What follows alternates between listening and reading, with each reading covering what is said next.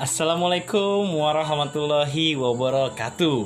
Salam sehat dan salam sejahtera untuk kita semua. Jumpa lagi di podcast Daing Amri. Ya, yang pertama-tama mungkin perkenalkan nama saya Muhammad Ulul Amri dari program studi Ilmu Pemerintahan angkatan tahun 2018 kelas paralel. Di sini saya kembali lagi untuk menjawab soal atau pertanyaan yang diberikan oleh dosen saya yaitu yang terhormat kepada Bapak Arif Rahman Hakim Esos MIP. Semoga saja dengan jawaban ini bisa memuaskan hati Bapak Arif terutama dan juga para pendengar dari podcast ini. Mungkin langsung saja kita ke soal yang pertama yaitu jelaskan menurut pengamatan atau pandangan Anda apa minat dan kebutuhan masyarakat desa di daerah Anda. Menarik ya mengenai desa. Ya mungkin saya akan mengambil studi kasus di desa saya sendiri yaitu terletak di Desa Karangpayau, Sungai Kupang, Kecamatan Kelumpang Hulu, Kabupaten Kota Baru. Di sini mayoritas penduduk didominasi oleh suku Banjar dan juga suku Jawa dengan rata-rata masyarakat bermata pencaharian sebagai petani. Hasil tani biasanya berupa beras, sayur-sayuran, dan juga buah-buahan, hingga ke hewan ternak seperti ayam dan bebek.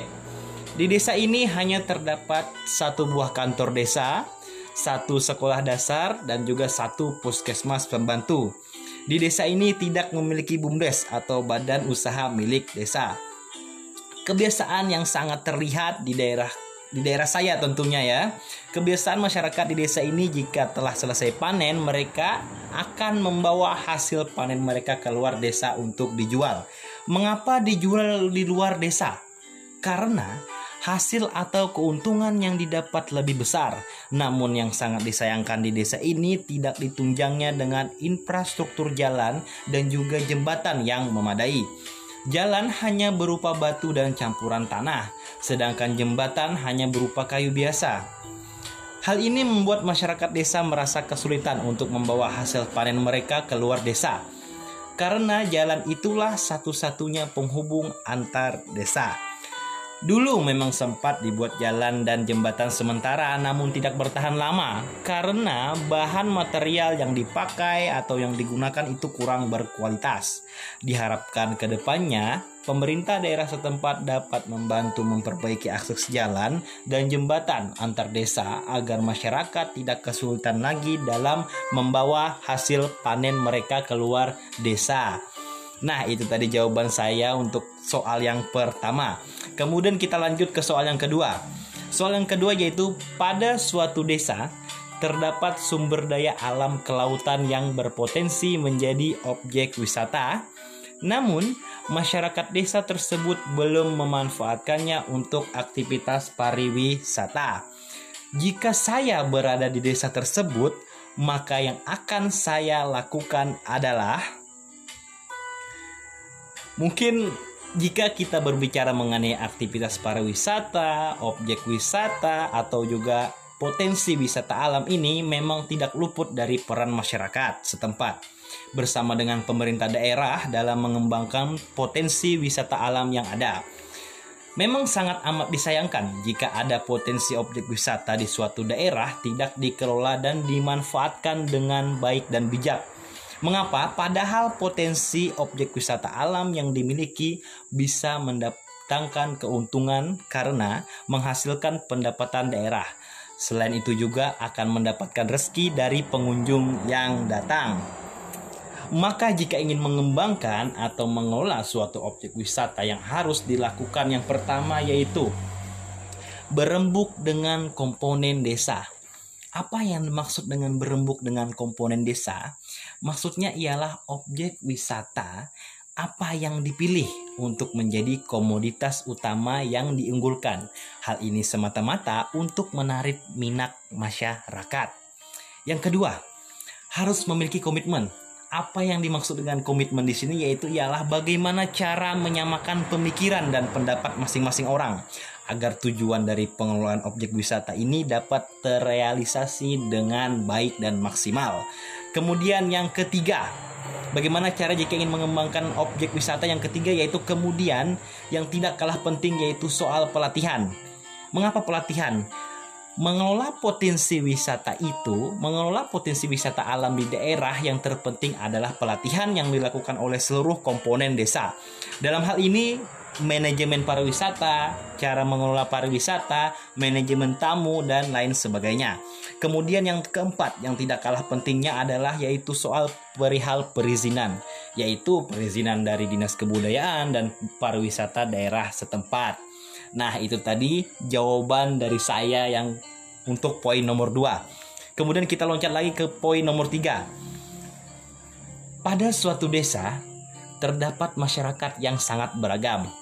Berbeda agama, berbeda suku, berbeda bahasa, dan berbeda strata sosialnya.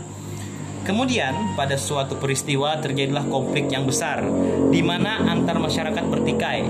Sebagai pemuda desa tersebut, maka yang bisa saya lakukan adalah titik titik titik. Mungkin memang di Indonesia ini sudah sering kita temui berita konflik di berbagai wilayah. Konflik tersebut beragam, mulai dari konflik pribadi hingga konflik antar kelompok besar jika terjadi konflik besar antar masyarakat yang harus dilakukan. Ingat, jika terjadi konflik yang besar di antara masyarakat yang harus dilakukan, yang pertama yaitu adalah memperjelas pokok atau inti masalah yang ada. Maksudnya apa? Maksudnya ialah kita harus mengetahui terlebih dahulu apa yang menyebabkan atau apa yang melatar belakangi masyarakat ini bertikai ataupun berselisih. Kemudian yang kedua, melakukan diskusi. Apa sih diskusi yang dimaksud? Yaitu adalah membuka percakapan yang mana ini merupakan langkah bijak untuk menyelesaikan konflik atau masalah. Kita ajak masyarakat yang bertikai untuk diskusi dengan memilih tempat yang netral, yang aman, kondusif dan nyaman. Kemudian yang ketiga, apa yang harus dilakukan? Yang ketiga yaitu dengan menggunakan kepala yang dingin Maksudnya ialah tidak emosi saat berdiskusi atau pada tahap mediasi, tetapi harus tetap tenang agar bisa menemukan solusi yang tepat dalam masalah yang sedang dihadapi.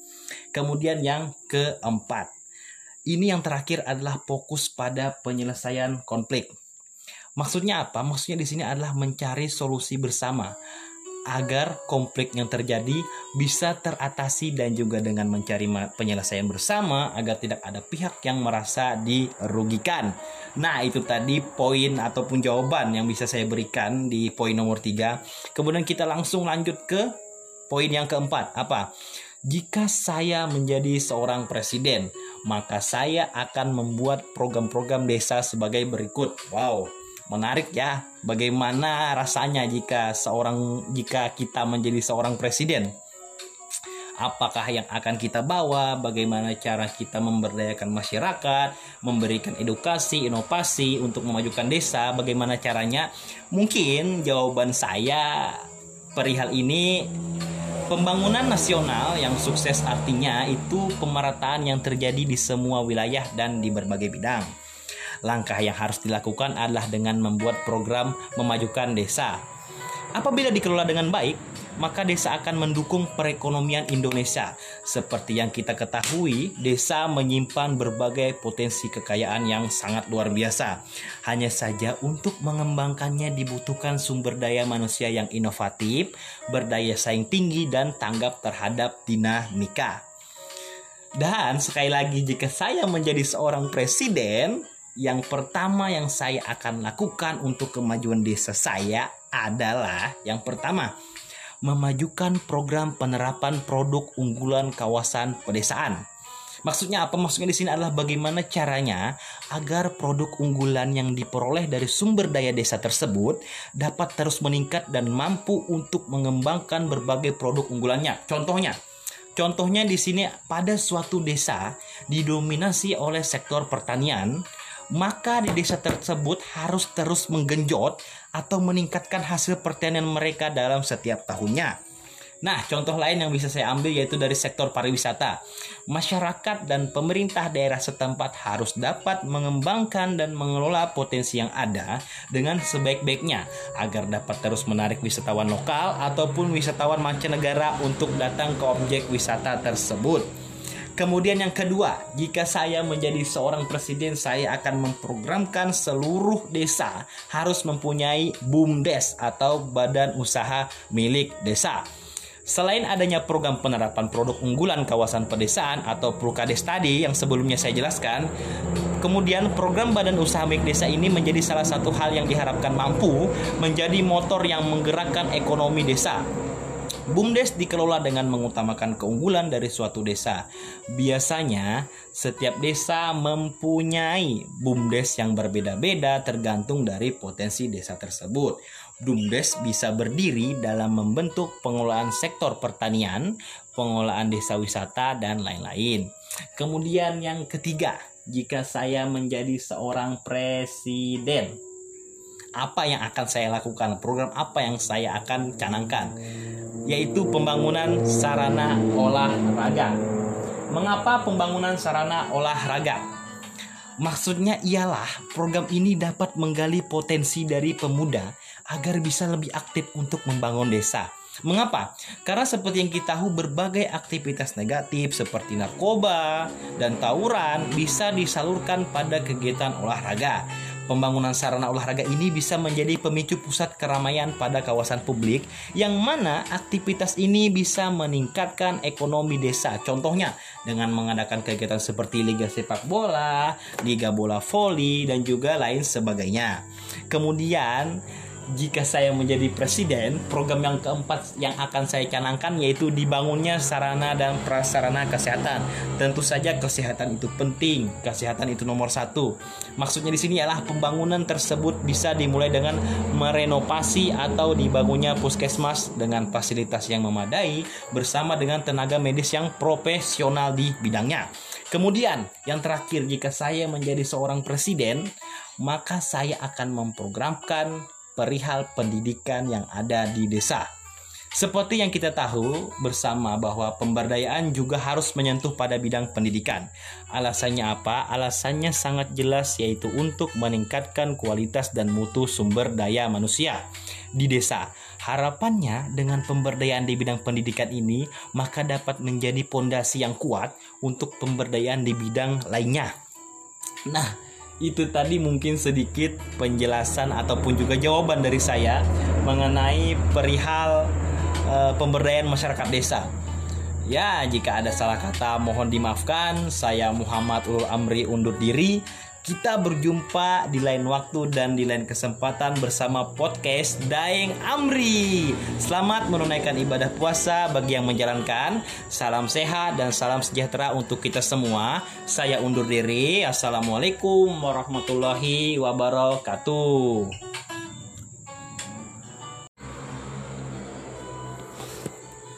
Assalamualaikum warahmatullahi wabarakatuh. Salam sehat dan salam sejahtera untuk kita semua.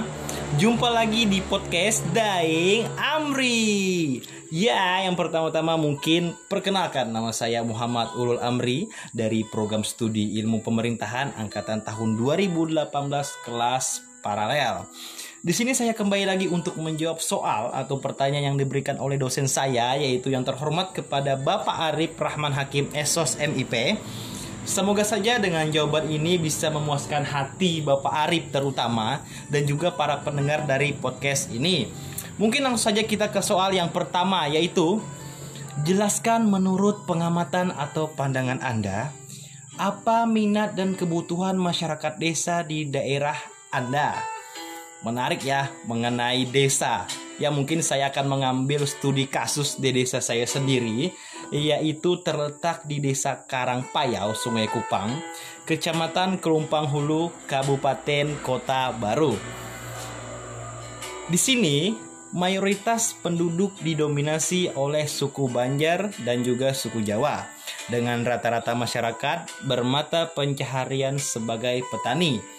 Hasil tani biasanya berupa beras, sayur-sayuran, dan juga buah-buahan hingga ke hewan ternak seperti ayam dan bebek.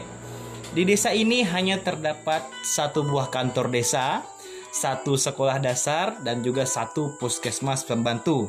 Di desa ini tidak memiliki BUMDes atau badan usaha milik desa. Kebiasaan yang sangat terlihat di daerah di daerah saya tentunya ya.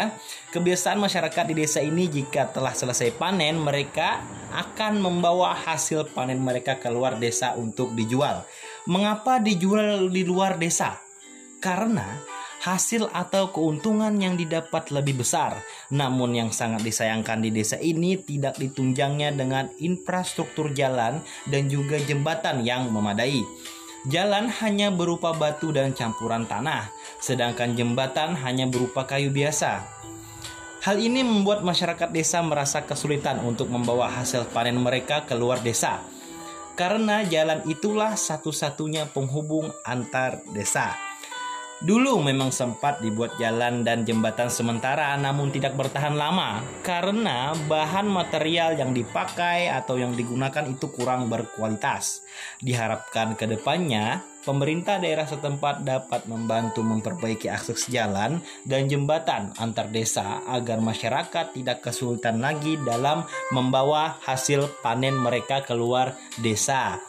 Nah, itu tadi jawaban saya untuk soal yang pertama. Kemudian kita lanjut ke soal yang kedua. Soal yang kedua yaitu pada suatu desa terdapat sumber daya alam kelautan yang berpotensi menjadi objek wisata. Namun, masyarakat desa tersebut belum memanfaatkannya untuk aktivitas pariwisata. Jika saya berada di desa tersebut, maka yang akan saya lakukan adalah Mungkin jika kita berbicara mengenai aktivitas pariwisata, objek wisata, atau juga potensi wisata alam ini memang tidak luput dari peran masyarakat setempat bersama dengan pemerintah daerah dalam mengembangkan potensi wisata alam yang ada. Memang sangat amat disayangkan jika ada potensi objek wisata di suatu daerah tidak dikelola dan dimanfaatkan dengan baik dan bijak Mengapa? Padahal potensi objek wisata alam yang dimiliki bisa mendatangkan keuntungan karena menghasilkan pendapatan daerah. Selain itu juga akan mendapatkan rezeki dari pengunjung yang datang.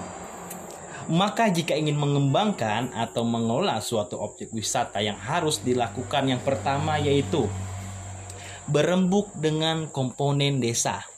Apa yang dimaksud dengan berembuk dengan komponen desa? Maksudnya ialah objek wisata apa yang dipilih untuk menjadi komoditas utama yang diunggulkan. Hal ini semata-mata untuk menarik minat masyarakat. Yang kedua, harus memiliki komitmen apa yang dimaksud dengan komitmen di sini yaitu ialah bagaimana cara menyamakan pemikiran dan pendapat masing-masing orang agar tujuan dari pengelolaan objek wisata ini dapat terrealisasi dengan baik dan maksimal. Kemudian yang ketiga, bagaimana cara jika ingin mengembangkan objek wisata yang ketiga yaitu kemudian yang tidak kalah penting yaitu soal pelatihan. Mengapa pelatihan? Mengelola potensi wisata itu, mengelola potensi wisata alam di daerah yang terpenting adalah pelatihan yang dilakukan oleh seluruh komponen desa. Dalam hal ini, manajemen pariwisata, cara mengelola pariwisata, manajemen tamu dan lain sebagainya. Kemudian yang keempat yang tidak kalah pentingnya adalah yaitu soal perihal perizinan, yaitu perizinan dari Dinas Kebudayaan dan Pariwisata daerah setempat. Nah, itu tadi jawaban dari saya yang untuk poin nomor 2. Kemudian kita loncat lagi ke poin nomor 3. Pada suatu desa terdapat masyarakat yang sangat beragam berbeda agama, berbeda suku, berbeda bahasa, dan berbeda strata sosialnya. Kemudian, pada suatu peristiwa terjadilah konflik yang besar, di mana antar masyarakat bertikai. Sebagai pemuda desa tersebut, maka yang bisa saya lakukan adalah titik, titik, titik. Mungkin memang di Indonesia ini sudah sering kita temui berita konflik di berbagai wilayah. Konflik tersebut beragam, mulai dari konflik pribadi hingga konflik antar kelompok besar. Jika terjadi konflik besar antar masyarakat yang harus dilakukan, Ingat, jika terjadi konflik yang besar di antara masyarakat yang harus dilakukan, yang pertama yaitu adalah memperjelas pokok atau inti masalah yang ada. Maksudnya apa? Maksudnya ialah kita harus mengetahui terlebih dahulu apa yang menyebabkan atau apa yang melatar belakangi masyarakat ini bertikai ataupun berselisih. Kemudian yang kedua, melakukan diskusi. Apa sih diskusi yang dimaksud? Yaitu adalah membuka percakapan yang mana ini merupakan langkah bijak untuk menyelesaikan konflik atau masalah. Kita ajak masyarakat yang bertikai untuk diskusi dengan memilih tempat yang netral, yang aman, kondusif dan nyaman. Kemudian yang ketiga, apa yang harus dilakukan? Yang ketiga yaitu dengan menggunakan kepala yang dingin. Maksudnya ialah tidak emosi saat berdiskusi atau pada tahap mediasi, tetapi harus tetap tenang agar bisa menemukan solusi yang tepat dalam masalah yang sedang dihadapi. Kemudian yang keempat, ini yang terakhir adalah fokus pada penyelesaian konflik. Maksudnya apa? Maksudnya di sini adalah mencari solusi bersama agar konflik yang terjadi bisa teratasi dan juga dengan mencari penyelesaian bersama agar tidak ada pihak yang merasa dirugikan. Nah, itu tadi poin ataupun jawaban yang bisa saya berikan di poin nomor 3. Kemudian kita langsung lanjut ke poin yang keempat. Apa? Jika saya menjadi seorang presiden, maka saya akan membuat program-program desa sebagai berikut. Wow, menarik ya bagaimana rasanya jika seorang jika kita menjadi seorang presiden? Apakah yang akan kita bawa? Bagaimana cara kita memberdayakan masyarakat? Memberikan edukasi inovasi untuk memajukan desa? Bagaimana caranya? Mungkin jawaban saya perihal ini Pembangunan nasional yang sukses artinya itu pemerataan yang terjadi di semua wilayah dan di berbagai bidang Langkah yang harus dilakukan adalah dengan membuat program memajukan desa. Apabila dikelola dengan baik, maka desa akan mendukung perekonomian Indonesia. Seperti yang kita ketahui, desa menyimpan berbagai potensi kekayaan yang sangat luar biasa. Hanya saja untuk mengembangkannya dibutuhkan sumber daya manusia yang inovatif, berdaya saing tinggi dan tanggap terhadap dinamika. Dan sekali lagi jika saya menjadi seorang presiden, yang pertama yang saya akan lakukan untuk kemajuan desa saya adalah yang pertama memajukan program penerapan produk unggulan kawasan pedesaan. Maksudnya apa? Maksudnya di sini adalah bagaimana caranya agar produk unggulan yang diperoleh dari sumber daya desa tersebut dapat terus meningkat dan mampu untuk mengembangkan berbagai produk unggulannya. Contohnya, contohnya di sini pada suatu desa didominasi oleh sektor pertanian, maka di desa tersebut harus terus menggenjot atau meningkatkan hasil pertanian mereka dalam setiap tahunnya. Nah, contoh lain yang bisa saya ambil yaitu dari sektor pariwisata. Masyarakat dan pemerintah daerah setempat harus dapat mengembangkan dan mengelola potensi yang ada dengan sebaik-baiknya agar dapat terus menarik wisatawan lokal ataupun wisatawan mancanegara untuk datang ke objek wisata tersebut. Kemudian yang kedua, jika saya menjadi seorang presiden, saya akan memprogramkan seluruh desa harus mempunyai BUMDes atau badan usaha milik desa. Selain adanya program penerapan produk unggulan kawasan pedesaan atau Prukades tadi yang sebelumnya saya jelaskan, kemudian program badan usaha milik desa ini menjadi salah satu hal yang diharapkan mampu menjadi motor yang menggerakkan ekonomi desa BUMDes dikelola dengan mengutamakan keunggulan dari suatu desa. Biasanya, setiap desa mempunyai BUMDes yang berbeda-beda tergantung dari potensi desa tersebut. BUMDes bisa berdiri dalam membentuk pengelolaan sektor pertanian, pengelolaan desa wisata, dan lain-lain. Kemudian yang ketiga, jika saya menjadi seorang presiden, apa yang akan saya lakukan, program apa yang saya akan canangkan, yaitu pembangunan sarana olahraga. Mengapa pembangunan sarana olahraga? Maksudnya ialah program ini dapat menggali potensi dari pemuda agar bisa lebih aktif untuk membangun desa. Mengapa? Karena seperti yang kita tahu berbagai aktivitas negatif seperti narkoba dan tawuran bisa disalurkan pada kegiatan olahraga. Pembangunan sarana olahraga ini bisa menjadi pemicu pusat keramaian pada kawasan publik yang mana aktivitas ini bisa meningkatkan ekonomi desa. Contohnya dengan mengadakan kegiatan seperti liga sepak bola, liga bola voli dan juga lain sebagainya. Kemudian jika saya menjadi presiden, program yang keempat yang akan saya canangkan yaitu dibangunnya sarana dan prasarana kesehatan. Tentu saja kesehatan itu penting, kesehatan itu nomor satu. Maksudnya di sini adalah pembangunan tersebut bisa dimulai dengan merenovasi atau dibangunnya puskesmas dengan fasilitas yang memadai bersama dengan tenaga medis yang profesional di bidangnya. Kemudian, yang terakhir, jika saya menjadi seorang presiden, maka saya akan memprogramkan perihal pendidikan yang ada di desa. Seperti yang kita tahu bersama bahwa pemberdayaan juga harus menyentuh pada bidang pendidikan.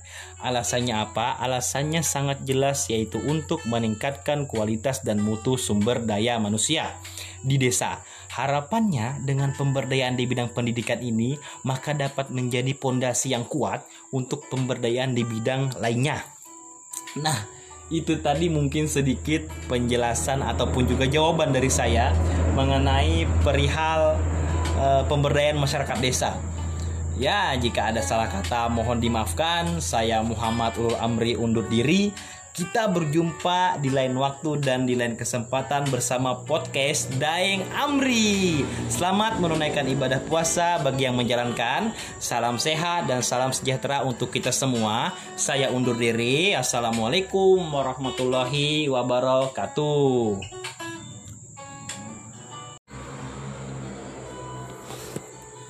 Assalamualaikum warahmatullahi wabarakatuh. Salam sehat dan salam sejahtera untuk kita semua. Jumpa lagi di podcast Daing Amri. Ya, yang pertama-tama mungkin perkenalkan nama saya Muhammad Ulul Amri dari program studi ilmu pemerintahan angkatan tahun 2018 kelas paralel. Di sini saya kembali lagi untuk menjawab soal atau pertanyaan yang diberikan oleh dosen saya yaitu yang terhormat kepada Bapak Arif Rahman Hakim Esos MIP Semoga saja dengan jawaban ini bisa memuaskan hati Bapak Arif terutama dan juga para pendengar dari podcast ini. Mungkin langsung saja kita ke soal yang pertama yaitu jelaskan menurut pengamatan atau pandangan Anda apa minat dan kebutuhan masyarakat desa di daerah Anda. Menarik ya mengenai desa. Ya mungkin saya akan mengambil studi kasus di desa saya sendiri yaitu terletak di Desa Karangpayau, Sungai Kupang, Kecamatan Kelumpang Hulu, Kabupaten Kota Baru.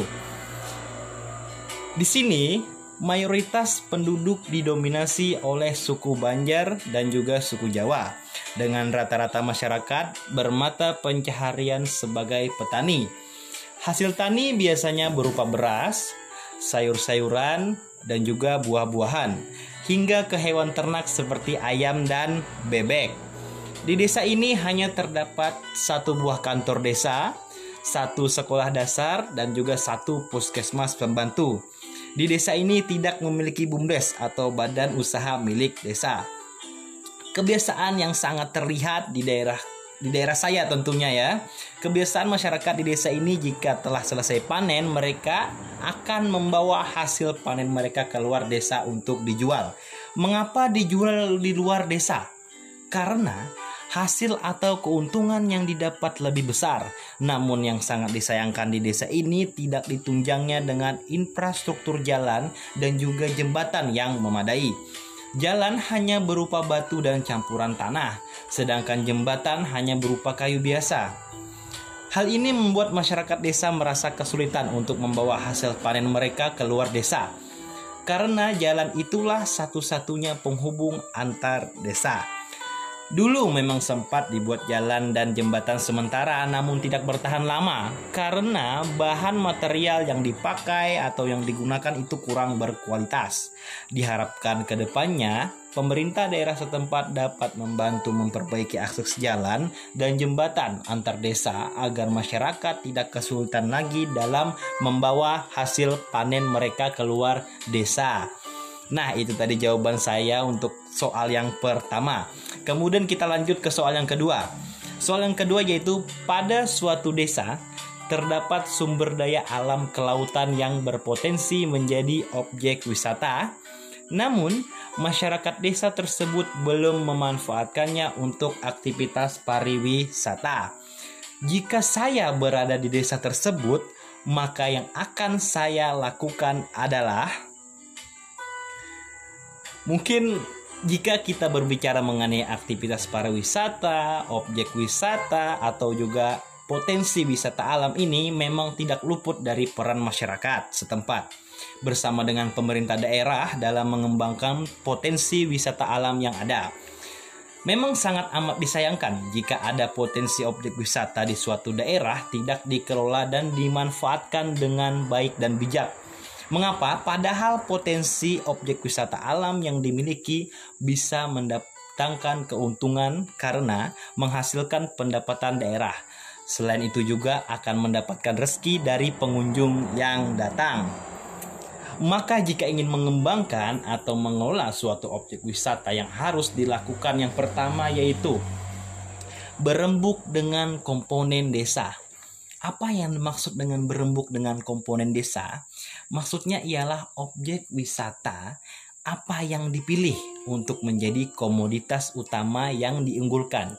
Hal ini semata-mata untuk menarik minat masyarakat.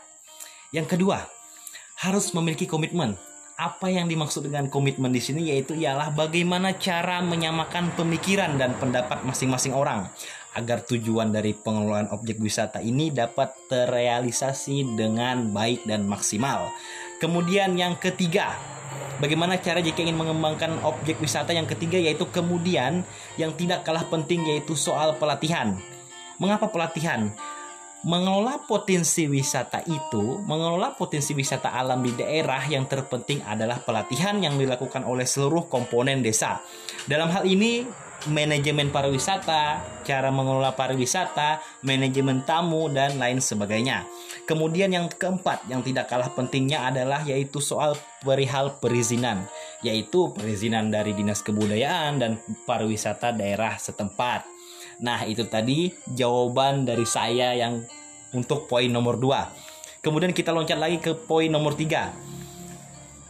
Pada suatu desa terdapat masyarakat yang sangat beragam, berbeda agama, berbeda suku, berbeda bahasa, dan berbeda strata sosialnya.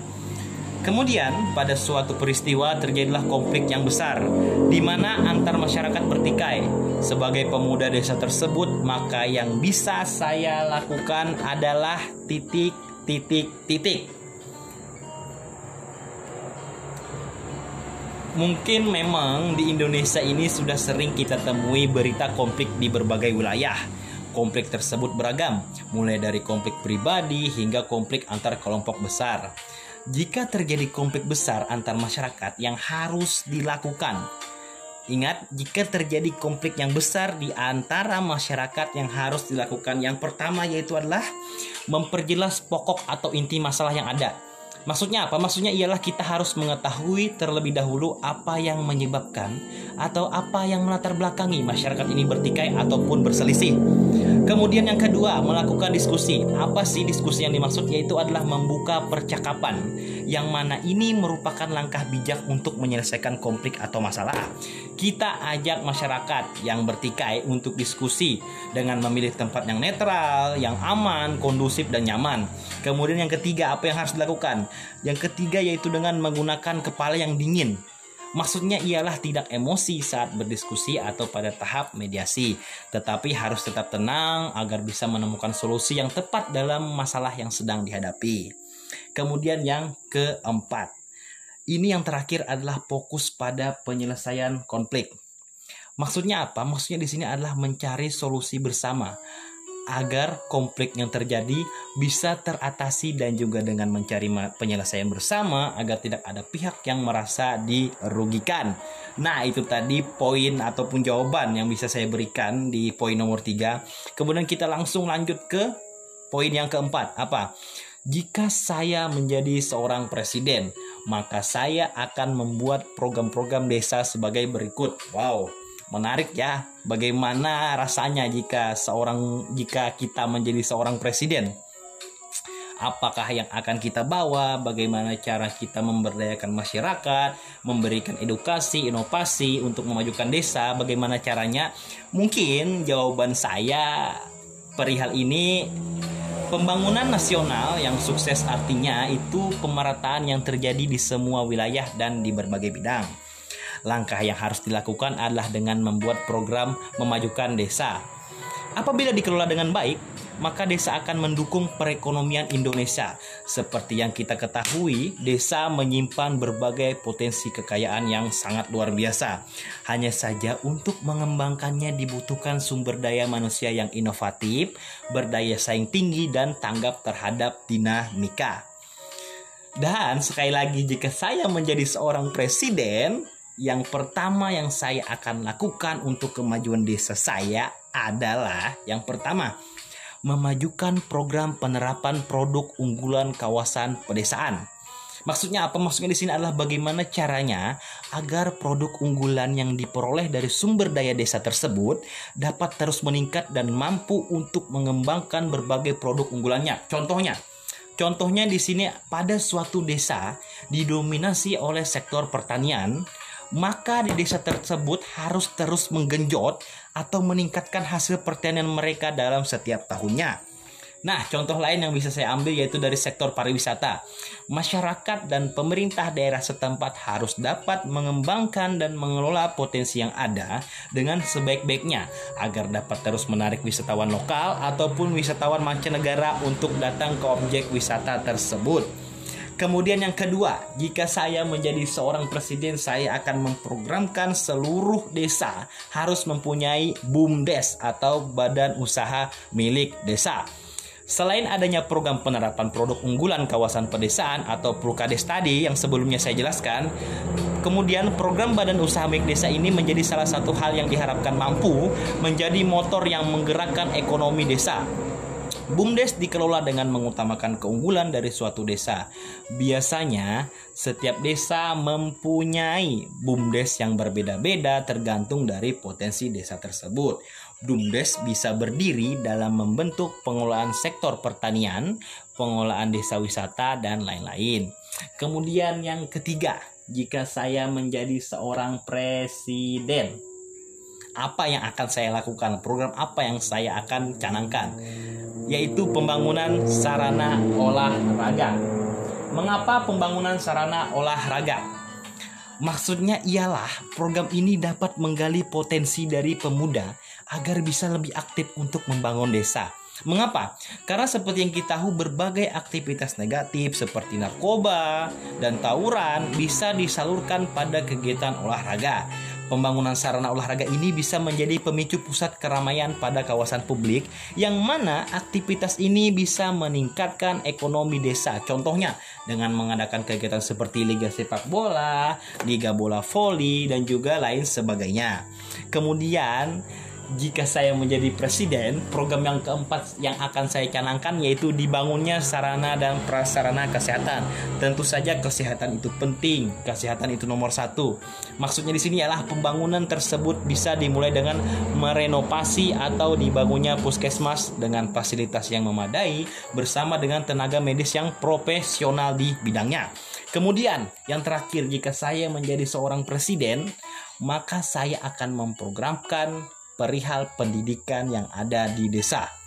Seperti yang kita tahu bersama bahwa pemberdayaan juga harus menyentuh pada bidang pendidikan. Alasannya apa? Alasannya sangat jelas yaitu untuk meningkatkan kualitas dan mutu sumber daya manusia di desa. Harapannya dengan pemberdayaan di bidang pendidikan ini maka dapat menjadi pondasi yang kuat untuk pemberdayaan di bidang lainnya. Nah, itu tadi mungkin sedikit penjelasan ataupun juga jawaban dari saya mengenai perihal uh, pemberdayaan masyarakat desa. Ya, jika ada salah kata mohon dimaafkan. Saya Muhammad Ulul Amri undur diri. Kita berjumpa di lain waktu dan di lain kesempatan bersama podcast Daeng Amri. Selamat menunaikan ibadah puasa bagi yang menjalankan. Salam sehat dan salam sejahtera untuk kita semua. Saya undur diri. Assalamualaikum warahmatullahi wabarakatuh.